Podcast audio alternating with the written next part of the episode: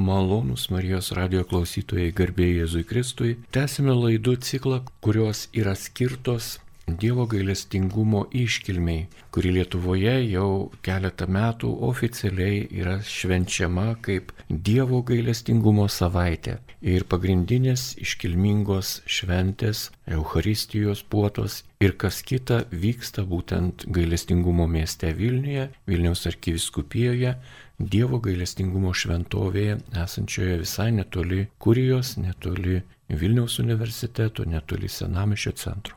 Taigi šį kartą laidoje apie Dievo gailestingumą, pamaldumą sutiko savo išvalgą ir patirtimi pasidalinti Gilma Gedraitė iš Dievo gailestingumo šventovės. Ja kalbina Liutauras Serapinas, garbė Jėzui Kristui. Per amžius amžinuosius Amen. Taigi Dievo gailestingumas jums turbūt yra nenauja savoka, jūs jau esate girdėję kažkur tai. Taip, aš ten dalyvauju toj bendruomeniai, kaip galiu. Jūs paminėjote bendruomenėje, tai mhm. yra Dievo gailestingumo bendruomenė? Taip, yra žmonės, kurie ten atlieka savanorystės, aišku, kunigas kaip, kaip centras viso ko ir, ir tiesiog mes ten vyks, vykdom įvairias tarnystės, kažkaip tai skleidžiam tą Dievo gailestingumą ir ten dabar iš tikrųjų yra antri metai jau naujas kunigas ir, ir kažkaip dabar bando kuo plačiau tą Dievo gailestingumą paskleisti savo būdu tiems žmonėms, kurie yra įpratę prie tų vadinamųjų tokių bažnytinių terminų, arba kitaip tariant, tos bažnytinės kalbos, kuri vis tiek į truputį skiriasi nuo kalbos, kurią mes naudojame, sakykime, gamtoje, žaisdami sviediniu, arba užeidami į kokią parduotuvę, ar kur dar kažkur, yra tam tikros kalbos. Tai jūsų bendruomenėje Dievo gailestingumas, va šitas sakinys, kokią turi prasme, reikšmę, kaip jūs jį tarėte šį sakinį, kas tai yra. Na, nežinau, gal nedrįščiau kalbėti visos bendruomenės vardu, turbūt kiekvienas turim savo kažkokį tai supratimą ir patirtis. Man tai pavyzdžiui yra Dievo gailestingumas iš mano pačios patirties, tai priimti kitus ir save Dievo žvilgsnėje. Priimti su besąlyginė meilė ir stengtis tai daryti.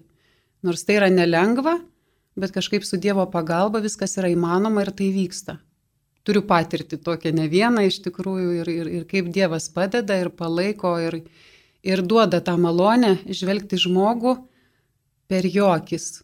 Ir aš to prašau visą laiką, kad sakau viešpatė duok man tą malonę, duok savo šviesos mano akims, kad žiūrėčiau į žmonės tavo akimis. Bet tai nėra paprastas dalykas kalbėti apie Dievo žvilgsnį. Taip, schematiškai mes galbūt vieni kiti pažįstame kažkokius tai piešinius, esame matę, girdėję apie kažką, žinome, kad ten trikampyje akis yra pavaizduota, tai reiškia kažką. Gal buvom užėję su tuo religiniu turizmu ir į kokią bažnytėlę Lenkijoje matėme Jėzų stovinti iš jo širdies einantį kažkokį tai spindulį, ten jeigu vyresni, jeigu jaunesni Vilniuje netyčiom užėjo iš kavinės į Dievo gailestingumo šventovę prie universiteto. Netyčiom pakliuvo ten, pamatė irgi nuostabų paveikslą, drobę, šedevrą. Ir tai yra irgi kažkokie ženklai, bet kaip jūs tą Dievo žvilgsnį, kas tai jums? Man tai yra kaip ir gailestingumo tam paveikslė, kaip, kaip Faustina ir sako, Faustina Jėzus sako, kad čia mano žvilgsnis yra nuo kryžiaus. Ir man, pavyzdžiui, kai yra, nu ir tikrai kiekvienas sutinkam savo gyvenime žmonių, kurias yra labai sunku priimti, su kuriais kažkokie tai konfliktai yra buvę, kažkokie nesutarimai, kažkokie pykčiai, kažkokios skriaudos, nuoskaudos ir taip toliau. Kažkokį netleidimą nešiojam. Ir supranti, kad tiesiog tas santykis toks įtemptas, ta įtampa tokia ir tas toks žvilgsnis toks iš nemailės pozicijos į kitą žmogų, jisai vargina ir visų pirma mums patiems yra labai sunkus. Ir kažkaip tokiu atveju e, aš irgi turiu tokių žmonių, su kuriais yra sunkiau ir aš kažkaip, aš tikiu, kad tai yra iš šventosios dvasios, aš melžiausi, ko viešpatė, ką daryti, kaip man pradėti tą žmogų kažkaip vat priimti, nes aš patikenčiu, man pačiai yra sunku ir aš jaučiu, kaip mano širdis apsunksta ir kaip mane vargina tas toks, toks netleidimas ir tokia net, sakyčiau, nepykant, ar ne.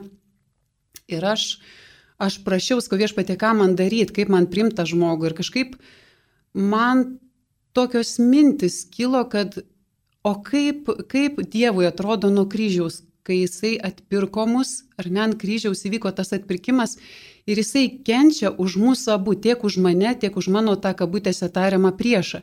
Ir jis žiūri į mus abu su meile. Ir aš galvoju, o kaip atrodau aš jo akise ir kaip atrodo tas žmogus. Ir man toks aiškus suvokimas, kad, kad mes abu su tuo kitu žmogum esam vertingi lygiai, vienodai. Tiek jisai, tiek aš. Jis mus abu myli ir jis dėl mūsų abiejų kenčia ir kybo ant kryžiaus. Ir man tada taip kažkaip pasidarė aišku, kad aš turiu priimti tą žmogų, nes jis yra viešpačiui lygiai toks pat brangus, kaip ir aš jam esu brangi. Mes esam tiesiog lygų ženklą tarp mūsų galima dėti. Ir tada aš prašiau, pradėjau melstis, ko viešpatė, o kaip, ką aš turiu daryti. Ir man atėjo tokia mintis, kad kai man ateina kažkokios piktos mintis ant žmogaus arba kažkoks sunkumas širdyje, žiūrint į tą žmogų, melstis tėvę mūsų. Nes mes, mes abu esam e, jo vaikai. Ir kažkaip tada meldiesi malda, tėvė mūsų kalbi ir jauti, kaip tas piktis atslūksta po truputėlį. Gal pirmą kartą taip truputėlį per sukastus dantis tas tėvė mūsų toksai išeina, bet kuo toliau, tuo labiau ir aš jaučiu, kaip mano širdis atsipalaiduoja. Nebelieka tos neapykantos ir vėl kitą kartą pamatai tą žmogų, vėl kažkoks spazmas, suspaudimas ir vėl tada tėvė mūsų, kuris esi danguje. Ir vis lengvėja, lengvėja, lengvėja ir galų gale visiškai kažkaip tas, tas toks vat, įsitempimas, tas sunkumas jisai dinksta kažkur. Jūs tikrai labai įdomiai pradėjote kalbėti apie gailestingumą kaip atleidimą, taip? Taip. Man yra pakliuvusi į rankas kartą ypatinga tokia knyga, tai vadinasi ateinu kaip gailestingumo karalius. Mhm jau jos išleidimas tai yra stulbinančio grožio, nepakartojamas, kaip sakant, meninė prasme. Ir čia turbūt reikėtų dėkoti dailininkui Kvašiui, kuris, na, nepaprastai gražiai tą knygą iliustravo, ir Bernardino LT leidinių organizacijai, kuri išleido. Ir šioje knygoje aš radau Vilniuje gerai žinomo kunigo Vladimiro Solovėjai liudėjimą apie, apie gailestingumą kaip priešybę pagėžai. Ir jis kalba, tiesiog pacituosiu čia tokį mhm. sakinuką iš jo, iš jo mąstymo. Šventai Faustinai gailestingumas yra ne teorinė, bet praktinė tema. Ji paprasčiausiai patyrė gailestingumą ir per tai jai atsiskleidė Dievas. Ji yra tobula gailestingo Dievo parašytos dramos aktorė. Šventa Faustina pasakoja apie savo regėjimus, visiškai nepaisydama kitų nuomonės, kuri dažnai daro įtaką mūsų kalbėjimui ar rašymui ir neleidžia mums būti nuoširdiems nei su kitais, nei su savimi. Šventoji Faustina yra autentiška religinės gailestingumo dimensijos liudytoja. Tos pačios dimensijos, kurią Friedrichas Nyčia aršiai ir kartu nuoširdžiai kritikavo. Anot jo, gailestingumas yra resentimentas arba pagėža. Ir reikalingas, kad būtų galima pažeminti tuos, kurie nenori būti krikščionys. Citata. Gailestingas priešų žeminimas, pasak Ničės, sudaro krikščionybės esmę. Kaip mes mažai pažįstame savo tikėjimą mes bandome jį priimti ir pažinti iš savęs. O kaip jį priima kiti, štai Nyčia, jo postulatai, mąstymai šiuo metu yra laikomi etalonu daugam, išeigos tašku. Ir tie žmonės gyvena, jie yra tarp mūsų, jie turi autentišką, tikrą gyvenimą. Ir jų gyvenimas greičiausiai yra laiminamas iš aukštybių Dievo, o supratimas daugtaškis. Aš jums paskaičiau kunigo Vladimiro Solovėjai rašinį apie tikrą ir tariamą gailestingumą. Ir jūs, Gilma, pradėjote kalbėti apie atleidimą. Nėra kito posūkio. Jeigu mes kalbame apie atleidimą, mes negalime atleisti nesupratę. Nes jeigu atleidinėjame be supratimo, tik dėl to, kad smagu, ten linksma kažkaip, tai toks atleidimas yra pajoka ir iš savęs, ir iš kito. O kad suprasti, štai randame resentimentas, pagėža, šventa pagėža, tiesiog vat. Gailestingas priešų žeminimas, gailestingas priešų žeminimas. Tai, kai ištraukia iš knygos konteksto, skamba vienaip, bet kai jį pasodini į daržą gyvybės žmonių gyvenimą, jų gatvę, jų tikėjimą, jų namus, jų šventiklas, tai visai kitaip atrodo. Taigi tęsime laidą, kurioje šiandien apie Dievo gailestingumą pasakoja Dievo gailestingumo bendruomenės narė Gilma Giedraitė. Ją kalbina Liutauras Serapinas ir atleidimas. Ar jums sunku ar lengva atleisti, ar jūs tą darote nuolatos, ar tai yra tiesiog kažkoks prabudimas kartą per dešimtmetį, o gal 77 kartus tie tekstai, kaip jūs paliečia? Na, iš tikrųjų, tas atleidimas, aš kiek e, girdžiu kitų žmonių ir, pavyzdžiui, aš pati, kai einu iš pažinties, aš labai dažnai sakau, kad aš kažką teisiau, smerkiau, reiškia, man tas žmogus kažkuo nepatiko. Jis mane užgavo, jis mane įskaudino, tai yra mano puikybė ir nesužeidė, sakysim, ne pagal mane kažką padarė. Ir aš kiek girdžiu ir kitų liudijimų, ir, ir ką, ką žmonės kalba, ir kaip kalba, aš matau, kad iš tikrųjų labai mūsų tarpe yra daug to netleidimo ir tai yra labai tikrai sunku. Ir pavyzdžiui, e, sakau, kaip aš jausdavau, kad mane tai irgi tiesiog kankina, vargina mane širdį, yra labai sunku atleisti, nes tikrai yra sunku priimti kitokį žmogų, kitą su jo nuomonė, su jo požiūriu. Ir aš va, tiesiog meldžiausi Dievui, prašiau, kad, kad mane nuo tos kančios išlaisvintų, nes tikrai tai yra didžiulė kančia tas toks sunkumas širdį. Ir man davė va tą maldą, tėvė mūsų. Ir aš galvoju, kodėl Jėzus būtent tą maldą nurodė. Atleisk mums mūsų kaltes kaip ir mes atleidžiame savo kaltininkams. Nes iš tikrųjų mes irgi turim atleisti broliui ir kaip Jėzus sako Petrui, kai Petras paklausė, kiek kartų atleisti, ar septynis, Jėzus sako, ne, 77, kad iš tikrųjų mes tiek kartų turim atleisti. Visų pirma, dėl savęs kad mūsų širdis nebūtų užkietintos, kad nebūtų akmeninės. Ir tarp kitko labai įdomu, aš kažkaip vis tiek kelios dienos, kai sužinau, kai mane kvies, pakvietė į tą pokalbį ir man reikės kalbėti, kažkaip man būtent irgi maldoju, taip galvoju, ką aš čia kalbėsiu, kažkaip tokias mintis sukau. Ir būtent buvo apie, tuos kitatikius, vad kaip mes ir kalbėjom apie tuos kabutėse priešus. Ir aš iš tikrųjų atėjau uh, iš tos kitos stovyklos, iš, iš, uh, aš dirbau darbe Ajurvedos centre ir ten buvo krišnaitų. Ir aš kaip atėjau į krikščionybę, aš tikrai juos žiūrėjau iš aukšto ir su panieka. Ai šitie tokie ten, tokie kvaileliai maždaug vaikšto savo tais kartūniniais rūbais, uh, žiemą šalta, ten tą garbina savo dievą. Ir aš taip žiau su tokia pašaipa ir visą laiką ir galvoju, kažkaip čia yra negerai. Einu vieną kartą iš pažinties, kitą kartą. Ir tiesiog meldžiausi Dievo, kaip yra iš tikrųjų. Ir net atsimenu tas mintis, nu tokį kaip apreiškimą galima tai pavadinti. Ties Mindaugo tiltų mane aplankė mintis. Aš taip žiūriu į griovį ten, kur upė jau prasideda. Ir galvoju, gerai, aš eičiau paslyščiau, nukryščiau, susilaužyčiau koją. Ir ne vieno žmogaus aplinkui. Ir eina krišnaitas pro šalį ir ištiesia man pagalbos ranką. Ir ką aš kaščiau į tą ranką, spirčiau jam į koją, neprimčiau jo pagalbos. Ne, aš kabinčiausi visom keturiom, nes jis man padeda, yra vienintelis žmogus. Ir taip man tokios mintis, gerai Gilma, jeigu tu jį priimi kaip žmogų, priimi jo pagalbą, tai kodėl tu atmeti visą kitą? Jis toks yra. Tu geriau už jį pasimelsk tą pačią tėvę mūsų maldą. Ir mane apleido va ta neapykanta ir ta žiūrėjimas iš aukšto. Ir tikrai tai buvo Dievo malonė. Ir sakau, aš net atsimenu tą vietą, kur tas toks apreiškimėlis įvyko man, kur Dievas suteikė tą malonę ir tikrai tikiu, kad tai yra iš šventosios dvasios. Aš turiu neniekinti žmonės, nežiūrėti iš aukšto į juos, bet melstis už juos, tėvę mūsų, nes jie yra irgi Dievo vaikai. Jie juda ir gyvena iš Dievo dvasios, nors jie yra galbūt paklydime kažkokiam tai laikinam, kaip man atrodo, ar ne bet nieks man netrukdo už juos melstis. Net jeigu jie ir netras to tiesos kelio, aš vis tiek turiu už juos melstis, nes jie yra Dievo vaikai, jie yra brangus Dievui. Tai mano va toks supratimas.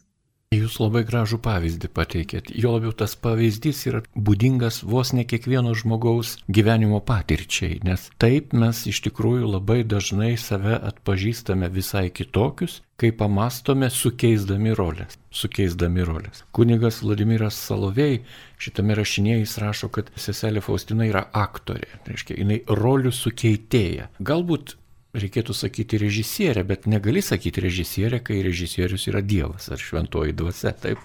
Tai jinai yra aktorė, bet žinot, jeigu jūs domėjotės teatru, šio laikiniu teatru, tai ten tikrai ta takoskira tarp aktoriaus darbo ir režisieriaus darbo, jinai minimali. Režisierius semėsi iš aktoriaus dovanų, kurias jis turi kaip talentą, o aktorius žvelgia gilin per režisieriaus kažkokią intenciją, kas tai yra. Juk režisierius nepasakys, kaip viską suvaidinti, kaip atlikti tą kūrinį. Na, vaidybą mes priimam šiuo metu kaip meninį žanrą, ne kaip vaidybą spekuliatyvę, tą vadinamą religinę vaidybą. Paliesim šią temą neišvengiamai, čia neįmanoma. Nepaliesti arba palikti šitą temą užkulysiuose, tai čia būtų netiesa. Bet ir ta tiesa yra įvairi, yra subjektyvi, objektyvi ir asmeninė tiesa, ir absoliuti tiesa. Tai ir prasideda tas gyvenimo kelias. Faustinos kelias buvo be galo skurdus. Taškas. Jeigu mes bandome dabar iš jos daryti heroję, tai mūsų heroja, pagrindinė heroja, šventoji Faustina, yra vargšių vargšė, neturi nei drapanų, neturi nei vietos, neturi nei išsilavinimo, nei turi nei jokio autoriteto, jinai nieko neturi, jinai vienintelį, ką turi, jinai turi savo personalinį gyvenimą. Ir tą personalinį gyvenimą jinai įstato ir sako, dėmesio, aš kalbuosi su Dievu. Ar šiandien mes sutikę tokią Faustiną, ar mes ją taip pat kankintume kaip tą Faustiną, apie kurią šnekame, ar jau turėtume kažkokią patirtį ir būtų lengviau. Kaip Jūs manote, gerbiama Gilma? Aš tiesiog čia taip audringai reiškiau emocijas tyliai, tyloju, nes kai jūs kalbėjote apie režisierių ir Faustiną kaip aktorę, man tiesiog jau toks, aš galvoju, na šventoji dvasia jau vakar pradėjo veikti. Aš vakar paėmiau ir pasikeičiau savo Facebook'o profilio foną į tokius už, nu, kulisus, ar ne?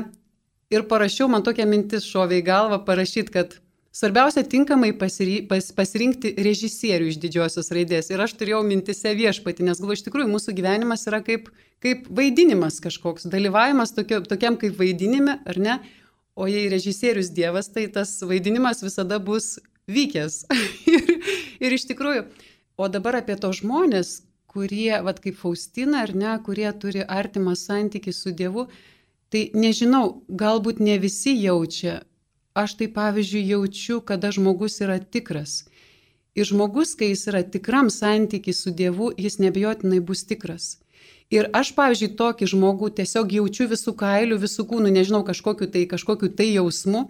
Ir aš matau, kada žmogus yra tikras ir aš tiesiog esu susižavėjus tokiais žmonėmis.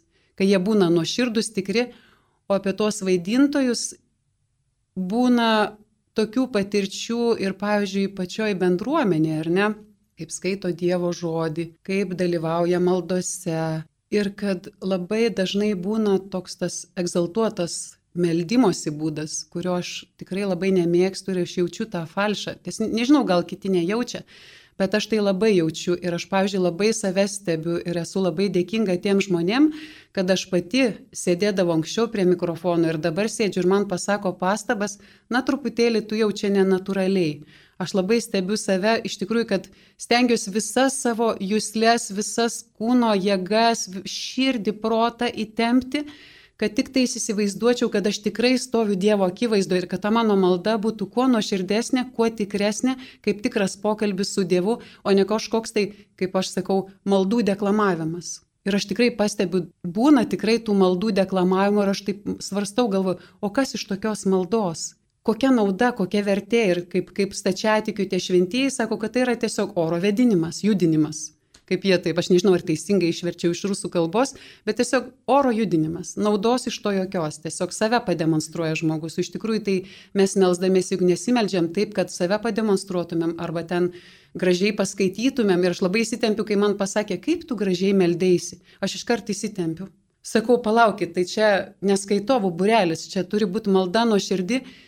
Ir taip, turi būti žodžių tas tarimas, artikulacija, kad nerzintų žmonių, ten kažkoks nekniaukimas, nemykimas, ten ne kažkas tai tokio, kas, kas gali suerzinti klausantį žmogų besimeldžiantį kartu, ne per greitas tas maldos kalbėjimas ar ne, bet tas gražiai meldėsi.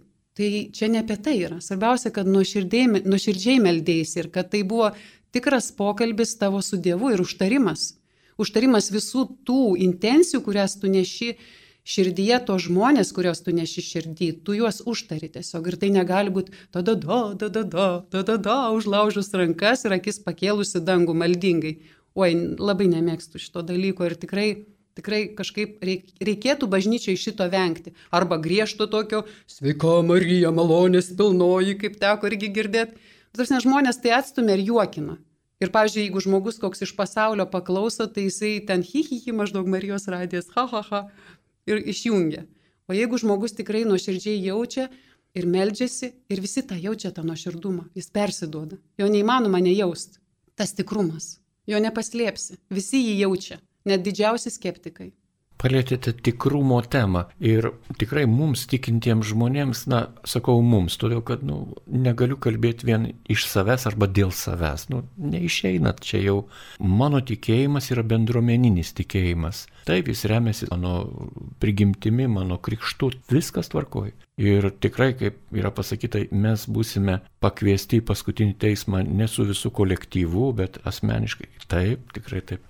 Bet tai yra vis tiek labai personalus dalykas, unikaliai personalus. Ir kai kalbėjote jūs apie tą tikrumą, tai mums tikintiems žmonėms tikrovė yra dviejopa. Tai yra regimoji ir neregimoji.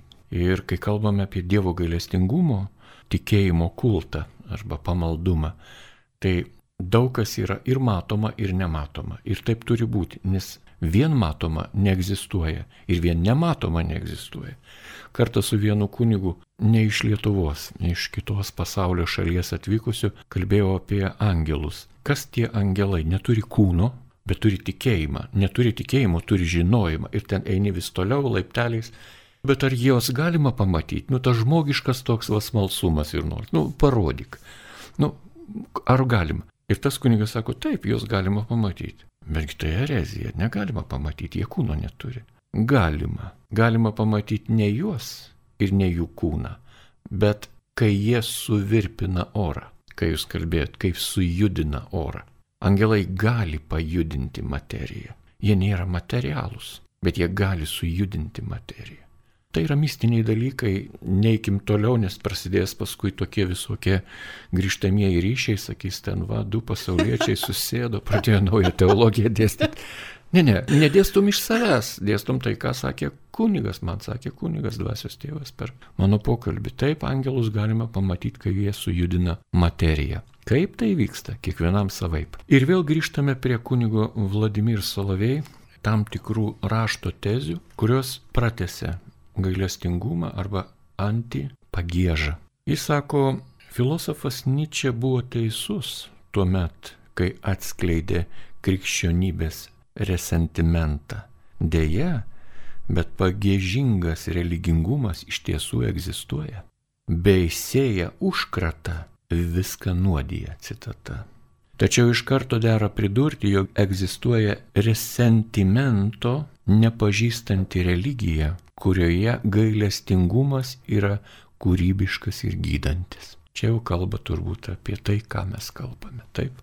Resentimentas gali įkalinti gailestingumą, bet pastarasis taip pat gali įveikti tą pagėžą. Tokiu būdu susidurėme su dviem gailestingumo ir religingumo tipais - tikru ir tariamu.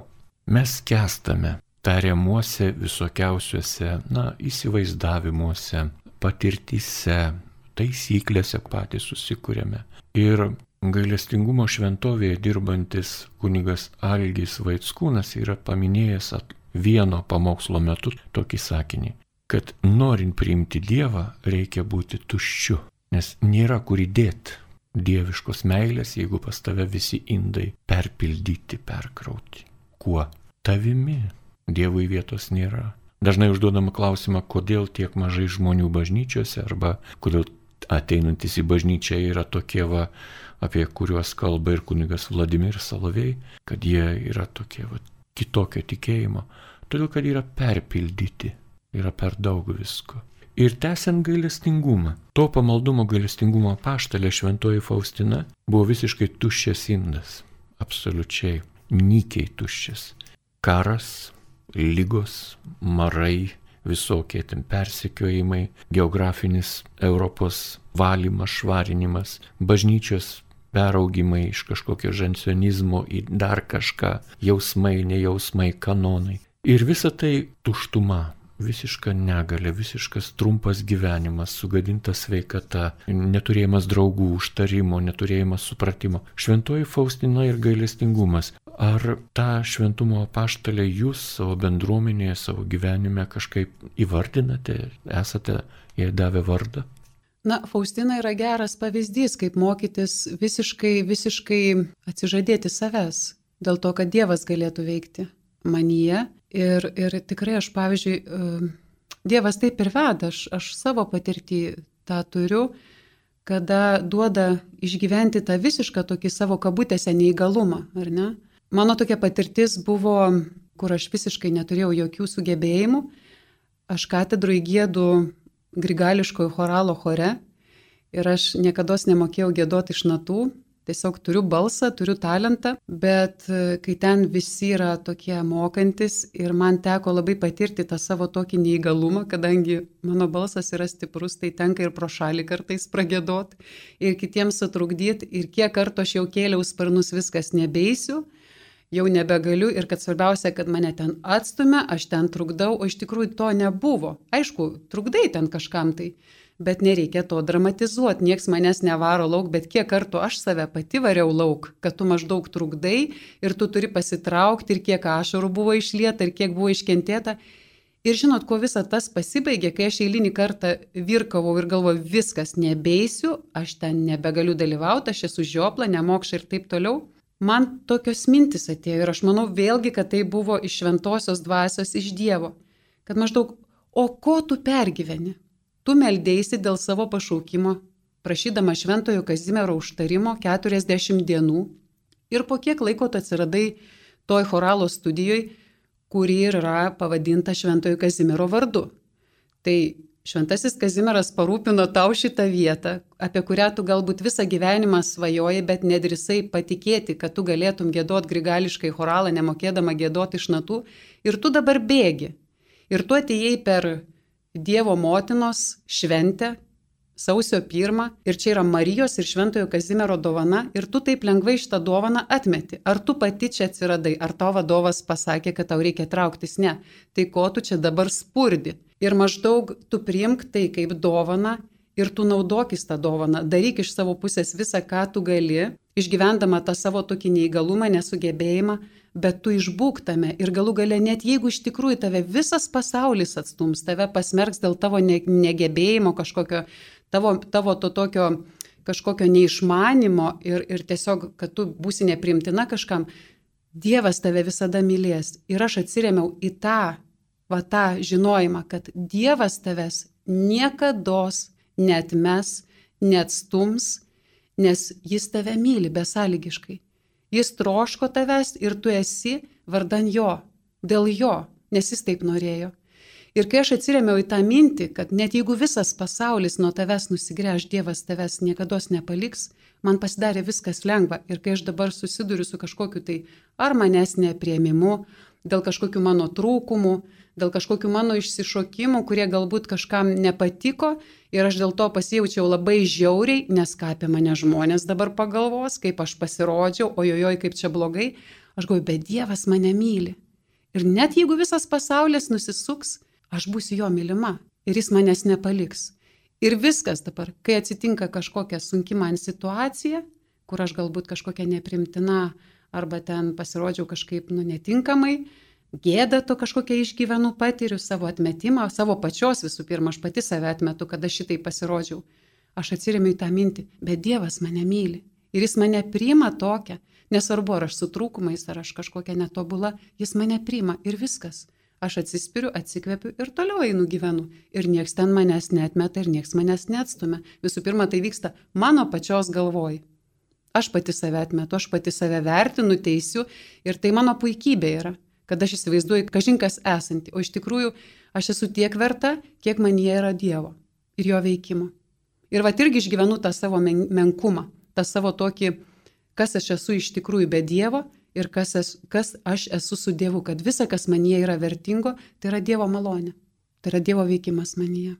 Daugiau aš nieko negaliu pasakyti ir vat, tiesiog tapatinuosi čia su šventaja Faustina, kad irgi tą patį savo menkumą, kad aš esu niekas viešpatė po tavo kojom. Ir tikrai yra tai didžiulės malonės momentai, kada, kada tą patiriu ir tą išgyvenu, kad aš esu niekas. Ir tada patiriu tokį palengvėjimą, kuris dažniausiai baigėsi gausiom ašarom.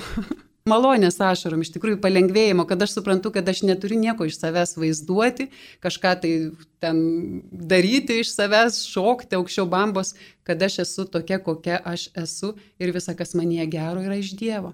Ir dėkoju, tada baisus dėkingumas prasiveržė jam, kad, kad aš galiu tiesiog būti jame ir ilsėtis, priimti save tokią, kokia aš esu.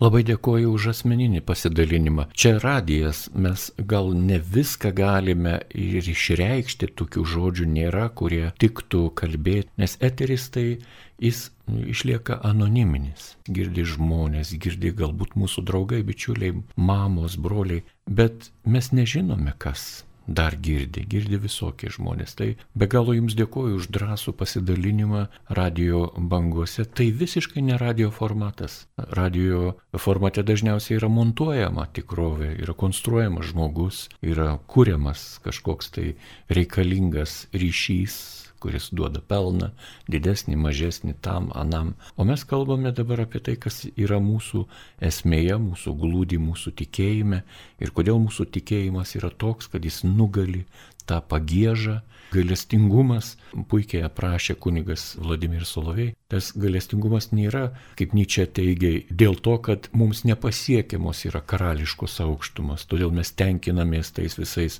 nuolankumais, kuklumais, nusižeminimais, nes tu nesugebi pastatyti namo, tu nesugebi nusipirkti gero automobilio, tu neturi sąskaitų trijų Šveicarijos bankė. Tai ką tu gali, o siekti kažko reikia, tai tu sieki kuklumo atvirkščiai. Taip, ta pagėža ir gailestingumas, kuris tikėjime įvairiais kampais yra prieitas, pačiupinėtas, paliestas žmogaus. Kam tokia tiesa, kuri neturi gailestingumo arba o kodėl tiesa be gailestingumo gali būti tiesa ir taip toliau. Mes turime rimtų klausimų Dievui. Ir, ir jis mums taip pat turi rimtų užduočių. Ir mes dalinamės, mes Dievui išduodame klausimą, jis mums duoda užduoti ir vyksta tas procesas. Šioje laidoje dalyvauja Dievo gailestingumo bendruomenės narė Gilma Gedraitė ir ją kalbina Liutauras Serapinas. Laida skirta tai Dievo gailestingumo iškilmingai savaitėjai, kurią kaip atlaidus, maldingumo forma švenčiame Vilniuje gyvenantys žmonės ir šiuo metu reikia drąsiai pasakyti, tikri Vilniečiai, nes karantinas mūsų uždarė visame kame. Kada gyvenime jūsų turiuomenį laiką, medžiagą, kada gailestingumas pradėjo kalbėti, kai jisai pasakė, e, Gilma, esu aš, Dievo gailestingumas, kada tai įvyko? Na, mano atsivertimo pradžioje gal sakyčiau, kažkaip e, tiesiog aš, aš, aš ten jau prieš e, penkis metus dalinaus irgi Marijos radijoje savo patirtim, galbūt tai kažkam bus girdėta. Bet e, aš kai buvau tokioj New Age mokykloj, tai mūsų mokytojas sakė, kad, kad šitoj šventoviai yra ten toks paveikslas ir yra gera aura. Jis nukreipia mane į tą gailestingumo šventovę.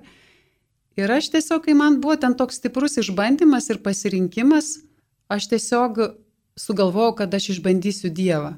Atėjau, suklupau prieš gailestingumo paveikslą ir skau Dievę, jeigu tu esi, tai tu mane gelbėk ir tu man padėk išsivaduoti iš to prakeikimo, kuris, kuris mane lydi, kaip man buvo pasakyta. Ir tas gailestingumas iškart pradėjo veikti, iš karto Dievas pradėjo veikti. Ir, ir per tą paveikslą, ir tiesiog per ten visada esantį švenčiausią sakramentą, aš labai daug patirčių tokių matau, kad būna kartais ten bendruomenė ir susipyksti su kažkuo, ir kažkokie, kažkokios įtampos iškyla, kažkokie, kažkokie nesusipratimai, ar ne? Ir aš matau tokį dalyką, kad kažkaip ir tie susitaikymai labai dažnai būna, ir tie žmonių susitikimai, kada susitinki tiesiog aktomušą ir nėra kur dėtis, turi pasisveikinti ir negali nusukti akių, dažniausiai ir vyksta to švenčiausio sakramento ir to paveikslo akivaizdoj. Ir kad, kad tiesiog aš matau, kad tiesiog čia pat Dievas, va, prie pat savo kojų visus reikalus ir sutvarko tarp mūsų kažkaip viskas savaime išsisprendžia, reikalingi žmonės atsiranda, reikalingos situacijos ir jisai veikia, tiesiog neišvengiamai veikia, čia ir dabar. Ir iš tikrųjų tai yra toks palengvėjimas ir aš labai dažnai taip nusišypsau, galvoju, viešpatė, kaip tu viską taip čia gerai tvarkai, kaip tu čia gerai darai. Ir čia būtent viskas vyksta, kad nekiltų jokių abejonių, kad čia kažką, aš iš savęs čia kažkaip tai pasielgiau taip gerai, kad viskas vyksta iš tavęs. su tavo palaiminimu, su tavo dvasios veikimu. Tokiu pašventinimu, ar ne? Kad viskas išsisprendžia kažkaip ir taip, kaip tu nori kad aš pati iš savęs taip, taip nieko nepadaryčiau, nes per daug ribotas ir per daug ten kažkokia tai turinti kažkokiu tai savo tokių, tokių įtampėlių vidinių, ten sutikus vieną ar kitą žmogų ir kad čia jo yra malonė, jo veikimas, o ne aš pati iš savęs, kad nesusireikšminčiau iš tikrųjų. Kaip užbaigtume šią laidą? Aš tiesiog kiekvieną raginčiau užmėgsti tą tokį intimų santykių su Dievu ir nebijot su juo kalbėtis. Tiesiog man pačiai, aš galiu savo patirtim pasidalinti, kas man labai padėjo.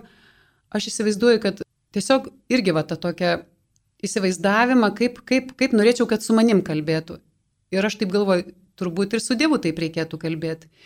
Jeigu man patinka, kad su manim kalba nuo širdžiai ir atvirai ir be jokių apsimetinėjimų, be jokių pakeltų tonų, ten kažkokio egzaltacijos, kažkokios tai gaidelių, Tai ir aš pati taip turėčiau su Dievu kalbėti. Ir, ir iš tikrųjų stebiu, kad, kad tai vyksta mano gyvenime.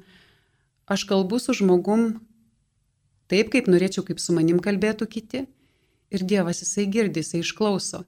Ir tiesiog yra problema, viešpatė, va čia man reikia kažkokio tai dalyko, papraš, paprasčiausių, elementariausių dalykų, kad pavyzdžiui ir buvo tokia situacija, kada draugiai reikėjo darbo, iš skoviešpatė, atėjau į adoraciją ir skoviešpatė, nu va, matai, reikia žmogui darbo. Nu, iš tikrųjų, taugi nėra neįmanomų dalykų, tau viskas pasaulyje priklauso. Ir tu gali tam žmogui duoti darbo, bet jeigu tu panorėsi ir jeigu tas darbas tikrai yra iš tavęs. Ir ką jūs savo galvojat, kitą dieną žmogui pasiūlė mano pažįstamą darbą ir žmogus dabar dirba. Kad nereikia ten kažkokių ilgų maldų, kad aš čia turiu litanijų 15 pasimelst arba ten 20 rožinių tą intenciją. Užtenka papraš, paprasčiausiai su Dievu pasikalbėti va taip, viešpatė, yra reikalas. Vat kaip su žmogum kalbėtum. Ir aš galvoju, yra savanoriai, kurie meldžiasi rožinį, aš paprašau, ten galėsi kokią, sakysim, birutę arba laimutę pasimelsti rožinį va tą dieną. Ir jis sako, gerai. Tai aš galvoju, kodėl Dievui man va taip pat nesakyti viešpatė, ar tu galėtum žmogų, tam žmogui parūpinti tą ir tą, arba va šitą dalyką mano gyvenime taip patvarkyti. Ir kad iš tikrųjų kartais užtenka labai paprastai pasikalbėti, natūraliai, nereikia kažkokių labai dirbtinų dalykų, tokių ten specialių momentų, kažkokių tai progų. Čia ir dabar kalbėsi, va taip mintimis, kaip su gyvu asmeniu. Įsivaizduot, kad, kad Dievas va čia ir dabar tave girdi. Ir jisai girdi, jisai yra visur. Ir kalbėt va taip paprastai, nuoširdžiai, be jokių ten kažkokių išsidirbinėjimų. Ir Dievas jisai girdi ir jisai veikia, jisai daro. Tai to tokio norėčiau palinkėti nuoširdumo ir elgtis tiek su kitu, tiek su Dievu taip, kaip norėtumėm, kad su mumis kaip elgtųsi žmonės. Ir citata iš knygos Jėzau pasitikiu tavimi. Šventosios Faustinos perduotos naujos Dievo gailestingumo kulto formos. Tegul tavo meilė šviesa apšviečia sielų tamsybės. Padaryk, kad šios sielos pažintų tave ir kartu su mumis šlovintų tavo gailestingumą. Šioje laidoje jūs girdėjote Dievo gailestingumo šventovės Vilniuje bendruomenės narė Gilma Gedraitė, ją kalbino Liutauras Serapinas. Likite su Marijos radiju.